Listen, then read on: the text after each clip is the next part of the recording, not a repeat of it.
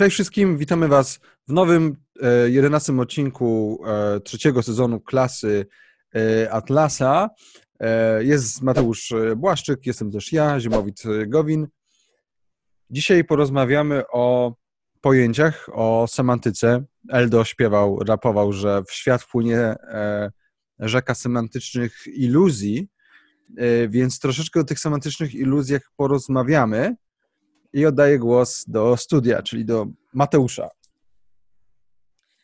Ależ owszem, pozwolę sobie zacytować y, wybitny fragment y, poezji współczesnej. To, to znaczy, to jest, um, znaczy, umówmy się, to jest wiersz twojego autorstwa. Ale no oczywiście, no oczywiście. Przyjąłem pseudonim Louis Cook, y, fragment wiersza Łuny i Całuny. Cytuję. Szczoteczka w ustach, ustach, kapustach, piana, śmietana, bogini Diana, Rzym, dym, w domu mym, szczoteczka w domu mym, szczoteczka, teczka, beczka, porzeczka z Rzymu do Krymu leci zawleczka. Przepraszam za brak e, odpowiedniej interpretacji, natomiast jest to e, Łuny i całuny Louis Cook, które teraz mówiąc poważnie, jest to e, cytat, jest to fragment powieści Ayn Rand Źródło, czyli The Fountainhead. Szczerze zachęcamy do przeczytania, po raz kolejny już zapewne. E, I za pomocą tego krótkiego, e, fikcyjnego, ale wcale nie aż tak bardzo oderwane, oderwanego od tego, co rzeczywiście jest tworzone w ramach tak zwanej e, sztuki współczesnej i wolnego wiersza w dniu dzisiejszym, Ayn Rand starała się pokazać, jak można wyprać słowa, wyprać wyrazy, określenia, terminy z jakiejkolwiek treści, wypłukać je e, tak, że e, nie znaczą już w zasadzie nic, a mimo to nadal ktoś ich używa. Przytoczony tutaj przykład, był to e, przykład no, typowo literacki, ponieważ była to pewna parodia na wielu twórców wierszy, na wielu twórców poezji współczesnej. Natomiast my dzisiaj porozmawiamy o nieco szerszym zagadnieniu, bo nie będziemy mówić tylko o poezji, tylko o literaturze, tylko porozmawiamy o używaniu pewnych słów w ogóle, e, na co dzień, e, zwłaszcza w tak zwanym dyskursie publicznym, zwłaszcza w tak zwanej debacie politycznej czy debacie społecznej, chociaż nie tylko, ponieważ jak sami się niedługo, myślę, przekonacie, są to słowa, których możemy też używać na co dzień w zwykłych, prostych rozmowach z bliskimi osobami, współpracownikami itd. Tak Czyli o czym konkretnie będziemy y, mówili. Chciałbym zacząć od tego, dlaczego w ogóle warto się tym zająć, dlaczego słowa, których używamy, pojęcia, których opis, które opisujemy, mają znaczenie. Dlaczego to nie jest tak, że a, whatever, tak? E, oczywiście my możemy sobie nazwać dowolną rzecz w dowolny sposób, tak? E, jeśli umówimy się, że ja ten kubek z kawą będę nazywał określeniem słoń, tak, no to będziemy mówić, no pyszna kawa w tym słoniu, tak? To jest oczywiście kwestia umowna, kwestia języka. Natomiast, aby język był w jakikolwiek sposób funkcjonalny, to musi istnieć względnie powszechna zgoda co do tego, co dane pojęcia denotują. E, czyli do czego konkretnie się odnoszą. Kiedy używam słowa kot, to że odnosi się do, do przedstawicieli konkretnego gatunku, które miałczą, mają sierść, oprócz kotów syjanskich itd., tak itd. Tak Więc dlaczego ma to znaczenie? E, między innymi dlatego, że język, tak samo jak, jak pieniądz, podlega inflacji. Co to znaczy? Im więcej mówimy, im więcej piszemy, im częściej produkujemy słowa, wyrazy, pustosłowie, tym mniej jest to warte. Słowa mają jednak pewien ciężar, który powinniśmy brać pod uwagę. I jeśli ktoś szafuje nimi zbyt lekko, zbyt prosto i używa ich albo jak wytrychów w dyskusji, albo jak pałek do okładania rozmówców, o takich słowach, pałkach to między innymi świętej pamięci e, profesor Bogusław Wolniewicz mówił. E, jeśli taki ktoś polega na frazesach, bonmotach, to tak naprawdę te słowa stają się tanie i w końcu bezwartościowe.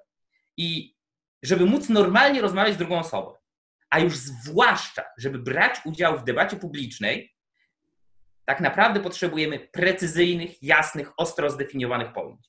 Takich pojęć, które odnoszą się do czegoś rzeczywistego, a nie są jedynie takimi pustymi e, sloganami zawieszonymi w nicości.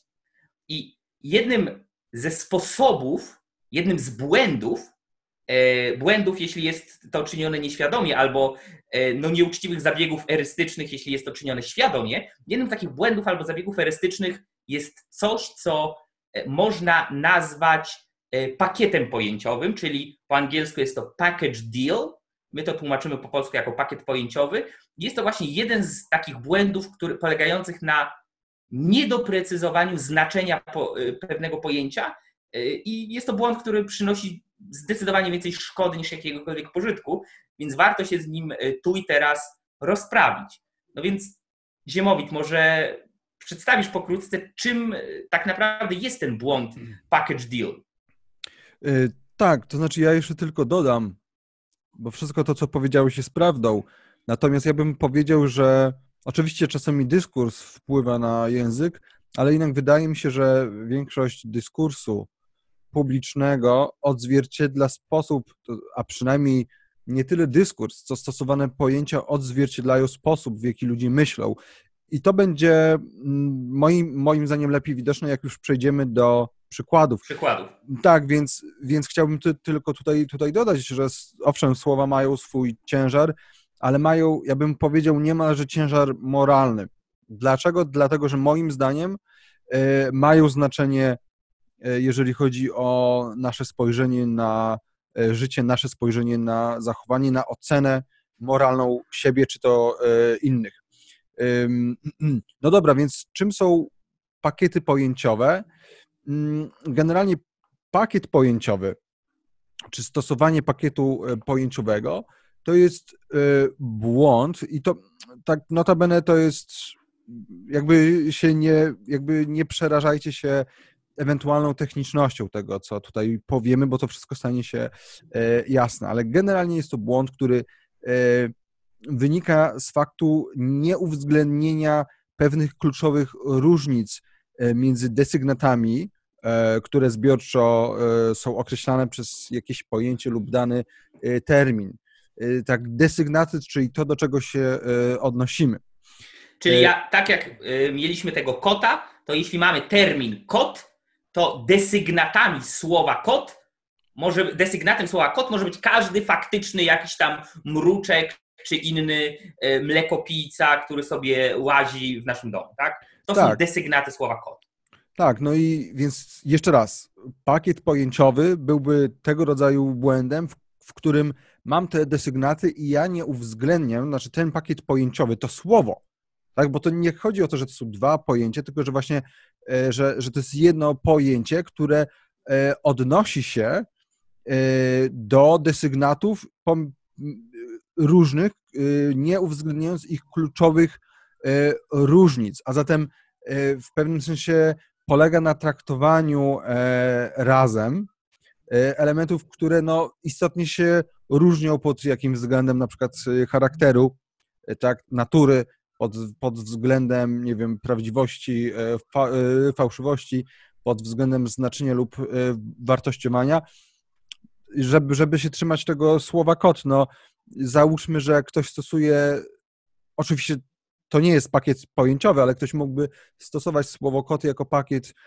pojęciowy i wszystko to, co na, na przykład jakiś weterynarz i wszystko to, co ten weterynarz mówi, że powinniśmy stosować wo wobec kota, jakaś tam karma, e, jakieś leki, jeżeli trzeba i tak dalej. On też, on też stosuje wobec psów, bo pod pojęciem kot włącza też psy, właśnie nie uwzględniając tych różnic między e, nimi. Oczywiście tak nikt nie robi, my jeszcze podamy, my będziemy analizować konkretne przykłady pakietów e, pojęciowych.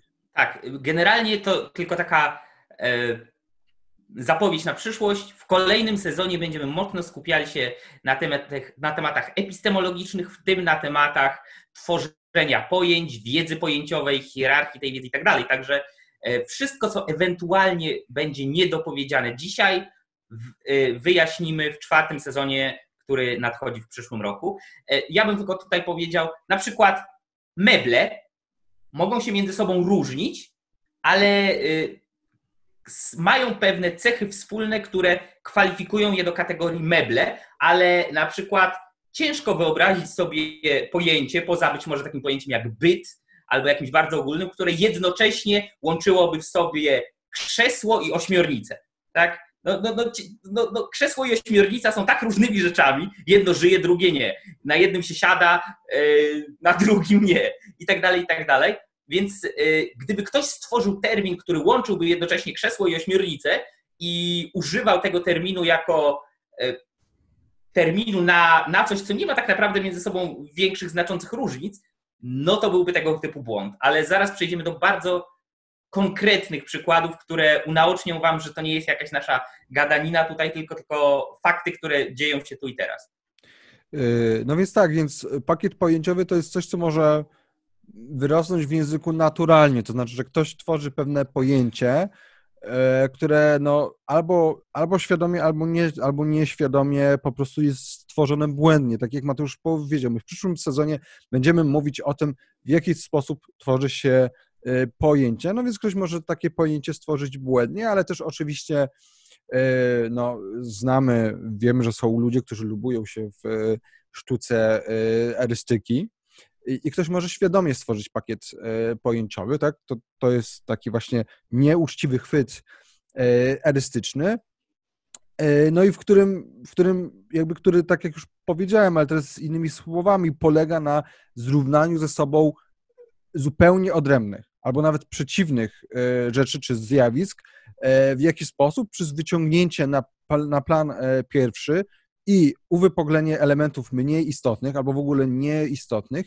i zastąpienie nimi elementów najistotniejszych. I teraz, i teraz moim zdaniem jest, y, teraz podamy, teraz Mateusz poda wspaniały przykład z historii y, filozofii takiego, hmm, powiedziałbym, pakietu. Tak.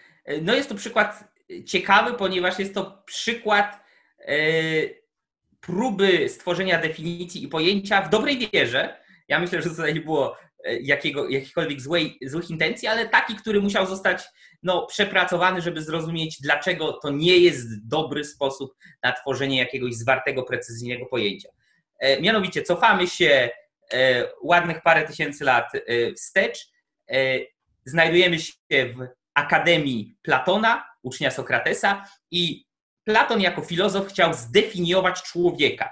Czym jest człowiek jako człowiek, tak? Konkretna jednostka z gatunku ludzkiego po pewnych rozważaniach stwierdził, że można określić człowieka jako istotę żywą, dwunożną i nieopierzoną. Ponieważ żyjemy, tak, człowiek żyje, e, faktycznie porusza się na dwóch nogach w przeciwieństwie do e, czteronożnych stworzeń jak psy, konie, koty i tak dalej. E, no i jest nieopierzony w przeciwieństwie do ptaków, które może pochodzą na dwóch nogach, ale mają pióra.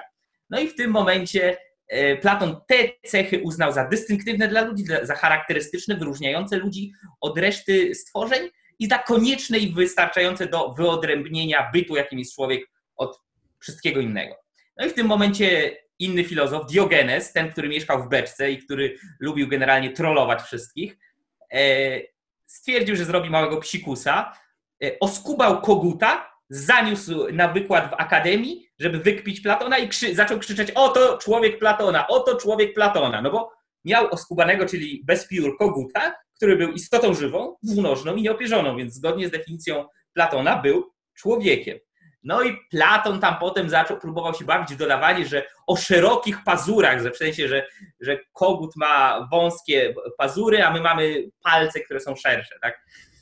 Tak dalej. No ale Platon popełnił tutaj klasyczny błąd i w swojej definicji e, uczynił z terminu człowiek e, właśnie package deal, bo chciał zdefiniować człowieka poprzez odwołanie do tego, co nie jest najistotniejsze, do tego, co jest tak zwanym po angielsku non-essentials, a nie do tych najbardziej esencjonalnych, najistotniejszych elementów. Czyli tutaj odwołaniem do czegoś znacznie bardziej wyróżniającego człowieka, co przynajmniej na dzień dzisiejszy, jak wiemy, wyróżnia tylko człowieka, bo jeszcze nie spotkaliśmy innych stworzeń, które można by tak określić, czyli człowiek jako zwierzę racjonalne, ewentualnie istota rozumna, tak? Homo sapiens, człowiek myślący. E, I tutaj kwestia rozumności jest tym, co jest faktycznie tym essential, co jest faktycznie tym istotnym faktem i jest faktem dystynktywnym, wyróżniającym, tym, co pokazuje, czym człowiek różni się od reszty stworzenia. Tak, no i teraz zanim przejdziemy właśnie do analizy tych konkretnych pakietów pojęciowych, co do których sądzimy i na które Rand wskazywała, że są wyjątkowo problematyczne, to ja powiem, co można z takim pakietem pojęciowym zrobić, gdy już go mamy. Są trzy sposoby. Pierwszy polega po prostu na odrzuceniu go, czyli na, na uznaniu, że dane, że dane słowo, dany termin po prostu nie ma, po prostu nie ma sensu. Tak jest treściowo pusty i przez to jest e, szkodliwy, tak, bo, bo, bo właśnie jest tą semantyczną e, tak. iluzją, tak, jak śpiewał e, Eldo. Możemy też wyczyścić mm, to po, pojęcie z, z, z, z tych nieistotnych elementów. Ja to lubię, naz, ja to lubię nazywać rozpakowywaniem, tak, czyli rozpakowujemy pakiet pojęciowy i usuwamy te elementy, które no, które właśnie są nieistotne, które, które, które tam nie przystają e, i w ten sposób oczyszczamy dane e, pojęcie. Będzie, będzie przykład takiego pojęcia, które właśnie zostało oczyszczone.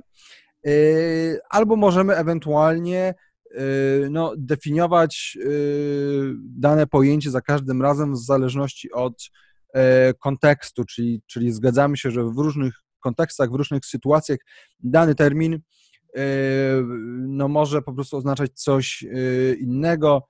Yy, przykładem może być prawica, podział na prawicę i lewicę, tak? Ja na przykład, ja na przykład, ja osobiście jestem zwolennikiem nieużywania tych dwóch. Ja jestem oczywiście, ja, to znaczy tak, ja osobiście jestem zwolennikiem usunięcia tych pojęć, nieużywania ich, mm, natomiast ponieważ wiem, że to jest trudne, to stosuję je e, w ten sposób e, trzeci, to znaczy e, definiuję je kontekstowo. I tak się bardzo często robi. No i oczywiście są też osoby, które próbują oczyścić te pojęcia, wskazując na jakieś właśnie cechy istotne. E, co, Pytanie, co do... czy, to, czy to nie jest z góry przegrana walka? Tak, tak? ale to oczywiście tutaj, tutaj akurat co do tego pakietu pojęciowego e, tutaj nie chcemy wydawać osądów, bo, e, bo to trzeba by przeanalizować. Sądzę, że, były, że, że są to terminy wyjątkowo trudne do analizy, z tego powodu, że no, mają duże obciążenie historyczne, duże obciążenie też w zależności od kraju, i nawet w zależności od osób w danym kraju. I, i, i więc my akurat tego pakietu się nie podejmujemy, ale pokazujemy Wam, że można zrobić z nim te trzy rzeczy.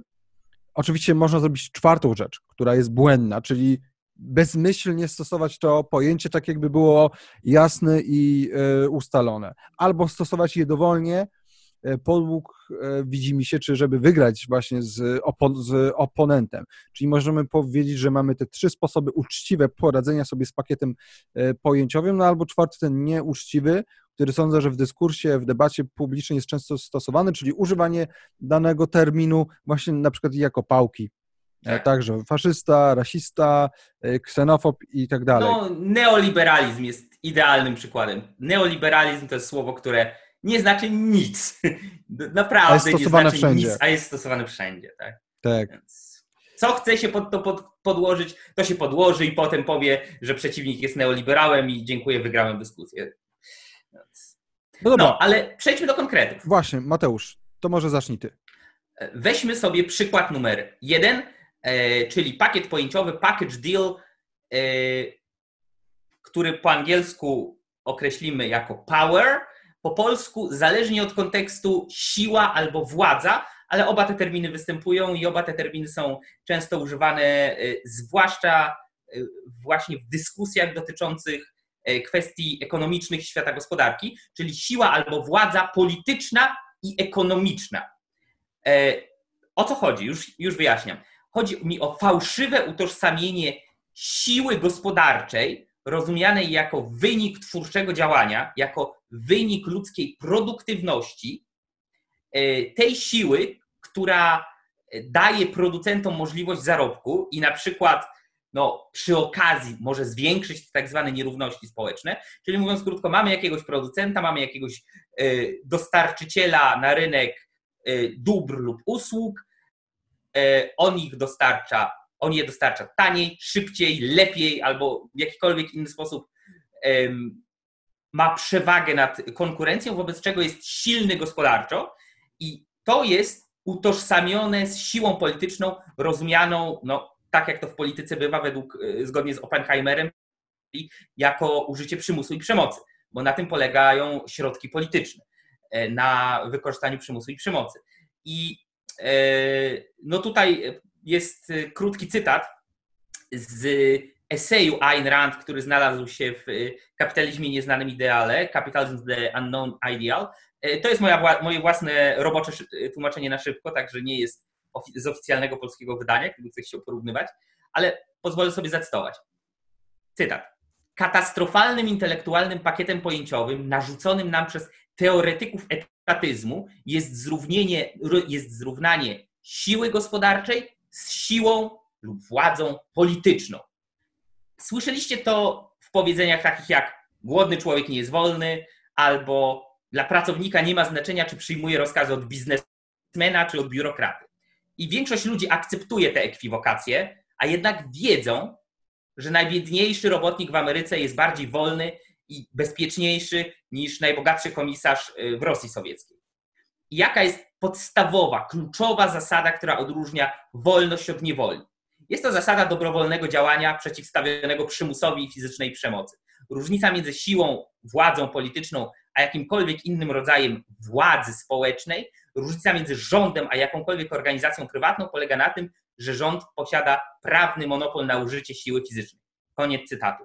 Więc Ayn Rand, yy, bo to jest cytat z, dokładnie z jej eseju, wzięła na warsztat pojęcie power, political power i economical power, pojęcie siły gospodarczej i siły lub władzy politycznej, e, zajęła się używaniem tego terminu jako równoważnego, że siła gospodarcza i siła polityczna to są dwie strony tej samej monety, że jest to zjawisko ze swojej natury bardzo podobne, jeśli nie tożsame, i pokazała, dlaczego ono nie jest tożsame i absurdem jest mówić, że e, siła gospodarcza równa się sile politycznej. Przekładając z polskiego na nasze.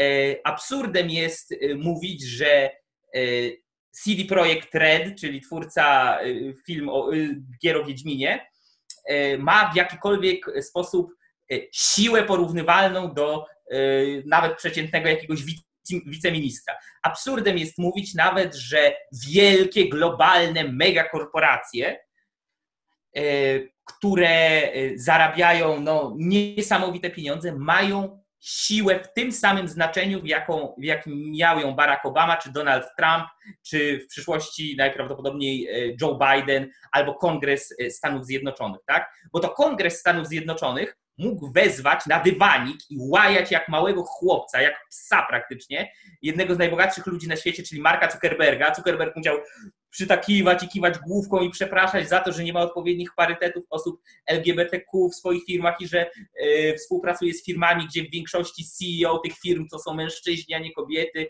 i nie ma tutaj też parytetów i tak dalej, i tak dalej, i tak dalej. Jak chcecie, poszukajcie, jest to wszystko na YouTubie do, do zobaczenia. E, tak więc nawet jeśli ktoś ma wielkie wpływy i dużo większe możliwości niż y, ktoś biedniejszy ze względu na siłę gospodarczą, którą reprezentuje, ponieważ na przykład jest właścicielem czy zarządcą jakiejś wielkiej firmy, to nie jest to nijak tożsame z siłą, którą ma minister Morawiecki, y, premier Morawiecki, przepraszam, chciałbym, żeby był tylko ministrem, y, minister Ziobro i tak dalej, etc., et consortes, tak?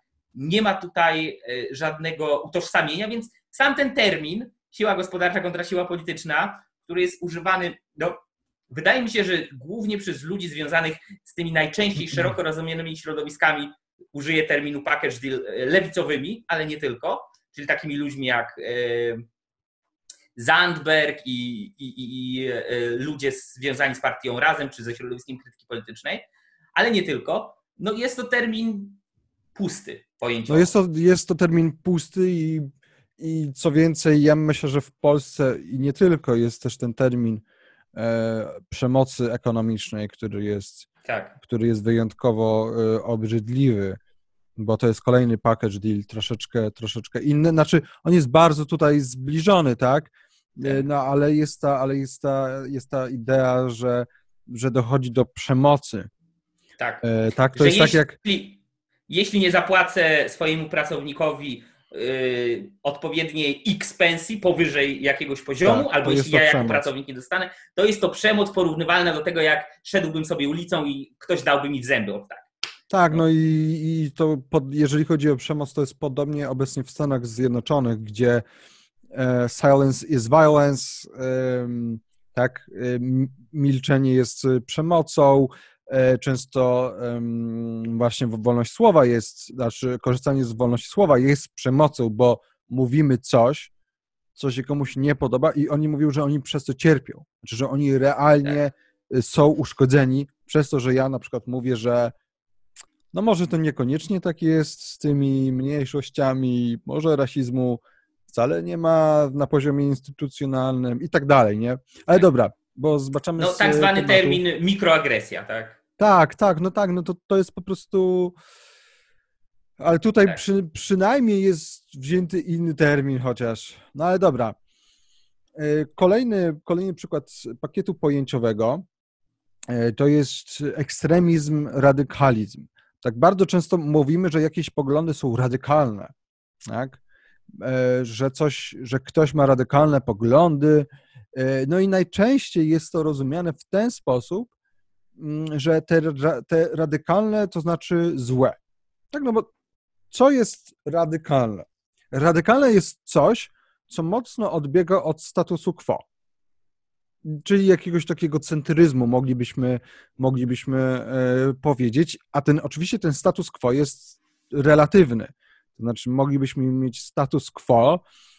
Wyobraźmy sobie, że znaczy nie możemy, znaczy, co prawda, gdyby Hitler doszedł do władzy, znaczy gdyby wygrał drugą wojnę, to pewnie by nas nie było, ale załóżmy, że nas Słowian jakoś zostawił e, i możemy sobie rozmawiać oczywiście pewnie po niemiecku. E, Człowiek z wysokiego zamku. tak, więc teraz przechodzimy na niemiecki. Dobra, e, wracając. E, No i, e, no i załóżmy, że faktycznie jest tak, że edukacja jest nazistowska, że wierzymy w aryjską fizykę, wierzymy, że Słowianie są e, gorsi, e, Żydzi są pod ludźmi, inne rasy są gorsze i tak dalej. To wtedy statusem quo jest teoria, teoria nazistowska. Wtedy radykałem będzie ktoś, kto na przykład postuluje demokrację, albo ktoś, kto postuluje, hej, rasizm jest, może nie jest taki, taki, taki dobry. Więc zacznijmy od tego, że oczywiście status quo jest, jest relatywny, y, w zależności od tego, co w danej, w danej chwili się I uznaje. w, danym, I w danym kraju, w danym społeczeństwie. Oczywiście. Ja, ja podam y, bardzo szybko, nawet nie w przykład, który mógłby zaistnieć, ale który zaistniał, czyli mamy Związek Sowiecki czasów Józefa Stalina i przypominam, że w Związku Sowieckim czasów Józefa Stalina, kiedy całość życia y, gospodarczego, społecznego i w zasadzie każdego innego była w rękach y, Kominternu, była w rękach y, partii rządzącej, była w rękach władzy państwowej, to nawet wtedy Józef Stalin miał przecież problemy z jakimiś dysydentami, z jakimiś skrajnościami i był, były na przykład odchyły lewicowo-trockistowskie albo prawicowo-nacjonalistyczne, zależnie od tego, w którą stronę i odchyły wszystko w obrębie komunistów. To nie jest tak, że to było określenia na demokratów, czy zwolenników wolnorynkowego kapitalizmu, czy nie. Wszystko w obrębie jednej wielkiej rodziny komunistycznej i za Stalina ty byłeś, na przykład miałeś odchył y, lewicowo-trockistowski, ponieważ chciałeś już teraz robić międzynarodową komunisty, komunistyczną rewolucję na całym świecie. Ty miałeś prawicowo-nacjonalistyczny, y, ponieważ za bardzo chciałeś się skupić tylko na swojej lokalnej społeczności i tak dalej, i tak dalej, i tak dalej. Więc to się, to się, to się naprawdę działo y, i to się nadal dzieje. I to już jest pierwszy moment, kiedy powinno się człowiekowi zapalić czerwona lampka co do samego pojęcia. Tak, no więc ten radykalizm czy ten ekstremizm w odniesieniu do poglądów, yy, tak naprawdę właśnie to jest jedna z tych słów pałek zazwyczaj, tak, że mów, mówimy, że jakieś poglądy są radykalne, czy że oni są radykałami, to zazwyczaj, gdy chcemy kogoś zdyskredytować. Ostatnio się mówi o fundamentalistach. E, No ale w każdym razie dyskredytujemy kogoś właśnie nie dlatego, że on na przykład ma błędne poglądy, my nie zastanawiamy się nad treścią poglądów tej osoby czy tych osób, tylko, tylko, yy, tylko po prostu yy, jakby skupiamy się na tym, że są, yy, że one są daleko, prawdziwie bądź nie, od właśnie statusu quo. I tutaj, i tutaj, ten, i tutaj ten pakiet pojęciowy też polega na tym, że łączy się w jedno pojęcie przekonanie o błędności, czy o właściwie niemoralności czyjegoś stanowiska, yy, z tym, że to stanowisko jest odrębne od statusu quo. Tak. Czyli zresztą nie musi być, no ale załóżmy, że e, tak jest. Czym innym jest powiedzenie, że dane stanowisko jest błędne, niemoralne, obrzydliwe i e, tak dalej, a czym, a czym innym jest, powiedz, jest powiedzenie, że jest dalekie od statusu quo. No kiedyś na przykład, no nie wiem, jak, jakbyśmy w starożytnej Sparcie powiedzieli, ej słuchajcie, ale może tych dzieciaków to nie zrzucajcie z tych, e, z tych e, gór, tak? czy tam klifów, no to oni by powiedzieli, że, jest, że jesteś radykałem, tak? Mając na myśli to, że jesteś, więc, więc status quo może być niemoralny, tak. więc, no więc jest to pojęcie, które niewiele, niewiele wnosi. No nawet biorąc yy, dzień dzisiejszy, co można nazwać skrajnością, ekstremizmem, radykalizmem? Skrajnością, ekstremizmem, radykalizmem będzie e, faktyczny, zdeklarowany, ideowy neonazista ze swastyką e, wytatuowaną tutaj, będzie członek jakiegoś neo-Ku Klux Klanu, e, będzie członek jakiejś terrorystycznej organizacji radykalnego islamizmu, będzie członek terrorystycznej organizacji lewackiej, jakiejś nowe Rota Armii Frakcjone i będzie zwolennik e, ustroju politycznego e, przedstawianego, proponowanego przez Ayn Rand albo Ludwiga von Misesa, tak? Tak. Wszyscy oni będą, będą radykałami, ekstremistami, skrajnościami. Tak, Co ich łączy? Też, I tutaj, i, tu, I tutaj też istotną jest zresztą to, że, że na ekstremizm, czy skrajność, czy radykalizm zwraca się uwagę wtedy, gdy jest osoba, która faktycznie e, jest spójna w swoich poglądach i nie zgadza się na kompromis moralny. Czyli jeżeli ktoś, czyli w praktyce, jeżeli ktoś, uży, ktoś uważa, że dana zasada jest podstawową zasadą moralną, czy tam dany zbiór e, zasad, że to są podstawowe e, zasady i ona po prostu nie chce z żadnej z nich zrezygnować, bo są jej zdaniem podstawowe, no to z punktu widzenia osób, które stosują ten termin, ta, ta osoba jest właśnie skrajna, jest, e, jest radykalna i ergo jest po prostu w jakimś sensie zła. No dobra, mm, to teraz przechodzimy, teraz przechodzimy mm, do, do, do przykładu. ostatniego przykładu i to jest przykład, nie wiem, czy Mateusz, czy chciałbyś ty zacząć? Mogę zacząć, jasne. Jest to przykład chyba, który będzie najprostszy i najkrótszy, nie dlatego, że jest prosty do wyjaśnienia, ale dlatego, że bardzo dużo w tym kierunku mówiliśmy w poprzednich odcinkach Klasy Atlasa, zwłaszcza w sezonie pierwszym, ale jest to przykład ważny, więc podnieśmy go. Termin egoizm. Co oznacza słowo egoizm i egoista? Jeśli oglądaliście pierwszy sezon, to e, odsyłam Was do odcinka o cnotliwym egoiście. E, jeśli nie oglądaliście, tym bardziej Was zachęcam do obejrzenia, ponieważ e, jest to termin, który niesie ze sobą bardzo duże nacechowanie E, zwłaszcza nacechowanie emocjonalne i najczęściej nacechowanie, e, jeśli chodzi o wartościowanie moralne. Natomiast e, niekoniecznie jest jasne, co on tak naprawdę denotuje, co oznacza i czy faktycznie powinien nieść takie nacechowanie, jak niesie. Ponieważ egoizm jest package dealem, jest pakietem pojęciowym, który w nieuczciwy sposób łączy nieprzystające do siebie elementy. Bo jeśli weźmiemy najprostszą definicję egoizmu, pozbawioną tych wszystkich naleciałości oceniających, tych wszystkich e, naleciałości wartościujących, to egoizm to jest troska o swój własny interes. Ewentualnie troska o samego siebie. Kropka. Nie ma napisane, czy to jest dobra troska, czy to jest zła troska, czy to jest takie śmaki. Po prostu człowiek, który troszczy się o siebie, zachowuje się egoistycznie, bo tym jest egoizm. Troską o samego siebie. E, czyli mamy tu do czynienia z każdą osobą, która dba o siebie, e, je zdrowo, e, pracuje, żeby się utrzymać, próbuje poprawiać swoje życie, tak, próbuje zapewnić sobie na przykład godziwe pieniądze, które będzie mogła spożytkować na starość, bo obawia się, że nie dostanie emerytury z ZUS-u i tak dalej, i tak dalej. Więc y, może to być przedsiębiorca, może to być pracownik najemny, może to być freelancer, y, może to być osoba, która w jakikolwiek inny sposób y, na siebie zarabia, ale nie robi nic złego, nikogo nie krzywdzi, po prostu stara się żyć porządnie, uczciwie sama dla siebie. Ja mówię teraz bez jakiegokolwiek wartościowania. A z drugiej strony w tym pakiecie w słowie egoizm mieszczą się ludzie, którzy żyją z tego, albo notorycznie to robią, ale głównie żyją z tego, że krzywdzą innych. Tak? Są egoistami, ponieważ idą po trupach. E, są egoistami, ponieważ na przykład oszukują, żeby wspinać się e, po szczebelkach w jakiejś korporacji. E, dopuszczają się oszustw, hochsztaplerstwa, kradzieży, może nawet morderstwa. Tak? No przecież takim potocznym rozumieniu ktoś, kto na przykład zamordowałby swoją bogatą, starą ciotkę, licząc na to, że dostanie jej spadek, no to jest klasyczny egoista. Nie myśli o innych, nie myśli o samej ciotce, nie myśli o y, jej dzieciach, nie myśli tylko o sobie i o y, swoim zły, złym interesie własnym. Więc w tym momencie w jednym, już, już, już oddaję, w jednym pakiecie mamy przedsiębiorcę, twórcę nowych wartości i mamy złodzieja, mordercę, oszusta. I można powiedzieć, no już tutaj widać, coś jest nie tak, coś, coś się nie styka ze sobą.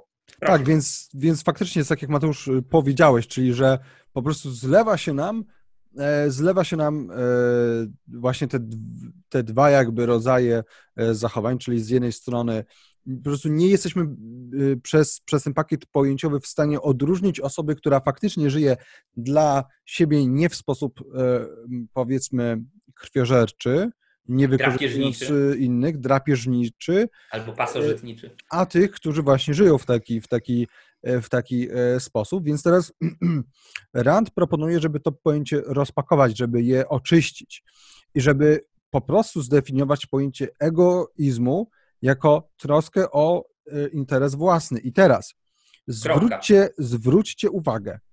Egoizm rozumiany jako troska o interes własny przez wykorzystywanie E, mordowanie, gwałcenie. Po prostu skupmy się na samym pojęciu wykorzystywania. Tak, wykorzystywać możemy jako mm, pasożyty, jako, e, jako nie wiem, złodzieje i tak dalej. Więc jeszcze raz, egoizm jako pakiet pojęciowy można mniej więcej znaczy to. Troska o interes własny e, kosztem czy wykorzystując innych ludzi. I teraz tak, plus jest to niemoralne. Więc mamy pojęcie które implikuje, na czym interes własny polega. I po drugie, tak, czyli polega, no, jak działasz na swoją rzecz, to znaczy, że wykorzystujesz innych. Po drugie, ocenia, wartościuje. Tak, mówi, że jest to niemoralne z góry. Więc teraz Rand proponuje, żeby to pojęcie rozpakować, żeby ten element, e, że e, egoista to ten, który wykorzystuje innych, i że jest to, że jest to niemoralne, wyrzucić i zostaje nam egoizm jako troska o interes własny. I teraz spójrzmy, to, po, to pojęcie po tym oczyszczeniu, po rozpakowaniu, ani nie implikuje tego, na czym polega interes własny, tak? Czyli nie mamy żadnej koncepcji już zawartej w jednym pojęciu oraz yy, nie wartościuje. Nie mówi, że to jest dobre ani złe. Więc mając takie pojęcie, my możemy faktycznie się zastanowić, ok, to na czym by polegał ten interes własny? Co jest dla człowieka faktycznie e, dobre? E, no i moglibyśmy się zastanawiać, ok, wiedząc już na czym polega egoizm, czy ja powinienem tak żyć? Bo może nie, może powinienem jednak poświęcać się dla e, innych. Więc, więc to jest, słuchajcie, teraz Wam podaliśmy przykład, zastosowania tej opcji drugiej, czyli oczyszczenia danego terminu. No i Rand tutaj proponuje właśnie, żeby oczyścić, żeby rozpakować pojęcie egoizmu, yy, no i po prostu dumnie, dumnie określać siebie jako, co prawda, no, my określamy siebie jako egoiści racjonalni, tak, już wtedy, już wtedy wiadomo, że, że jakby określamy, na czym polega ten interes własny, no i skoro o, tak się tak. określamy, Ale, ale przypomnijmy, że mieliśmy odcinek o tak zwanym irracjonalnym egoizmie i wyjaśniliśmy, dlaczego jest to e, wewnętrzna sprzeczność, oksymoron. Oczywiście tak. O, to, to znaczy, oczywiście możemy się zastanawiać już potem, czy egoistą jest Tak, ktoś, kto jest działa irracjonalnie. Ale to jest, to jest jakby następny krok. Czyli, że możemy mieć egoistę, który uważa, że interes własny polega na zjadaniu książek, tak? Albo, no nie wiem, są ludzie, którzy twierdzą bardzo różne dziwne rzeczy. No Marquis de Sade też y, uważał chyba, że to, co on proponował, ten sposób życia, to jest dobry dla człowieka. Więc... Tak, no więc, ale to, to już są kroki późniejsze, tak? Chodzi, chodzi, chodzi o to, żeby mieć czyste, jasne, klarowne, niezmącone y, pojęcia, a nie świat semantycznych iluzji. Czyli mam, mamy nadzieję, że na przykładzie no, prostych trzech wybranych e, słów, prostych trzech wybranych terminów, czyli e, po pierwsze siły lub władzy politycznej kontra siły lub władzy e, gospodarczej, po drugie terminów takich jak ekstremizm, radykalizm, skrajność e, i po trzecie określenia egoizm, daliśmy Wam jako takie pojęcie, czym jest e, koncepcja pakietu pojęciowego, e, czym jest koncepcja package deal e, i dlaczego możemy zasadnie stwierdzić, że jest to błąd, jeśli jest nieuświadomiony i stosowany no, niecelowo, albo no, nieuczciwy, oszukańczy chwyt erystyczny, aby y, zmylić czy zbić przeciwnika w jakiejś rozmowie. Więc te trzy pojęcia, i tak jak mówiliśmy, package deal e, można albo naprostować i jednoznacznie wyjaśnić, skupić się na tym, co jest najgłębszą treścią, a odrzucić wszystkie rzeczy przygodne, e, niezwiązane, sprzeczne, tak jak Ayn Rand e, zdecydowała się to zrobić z pojęciem egoizm. Można zwyczajnie przestać się posługiwać i odrzucić jako pusty slogan.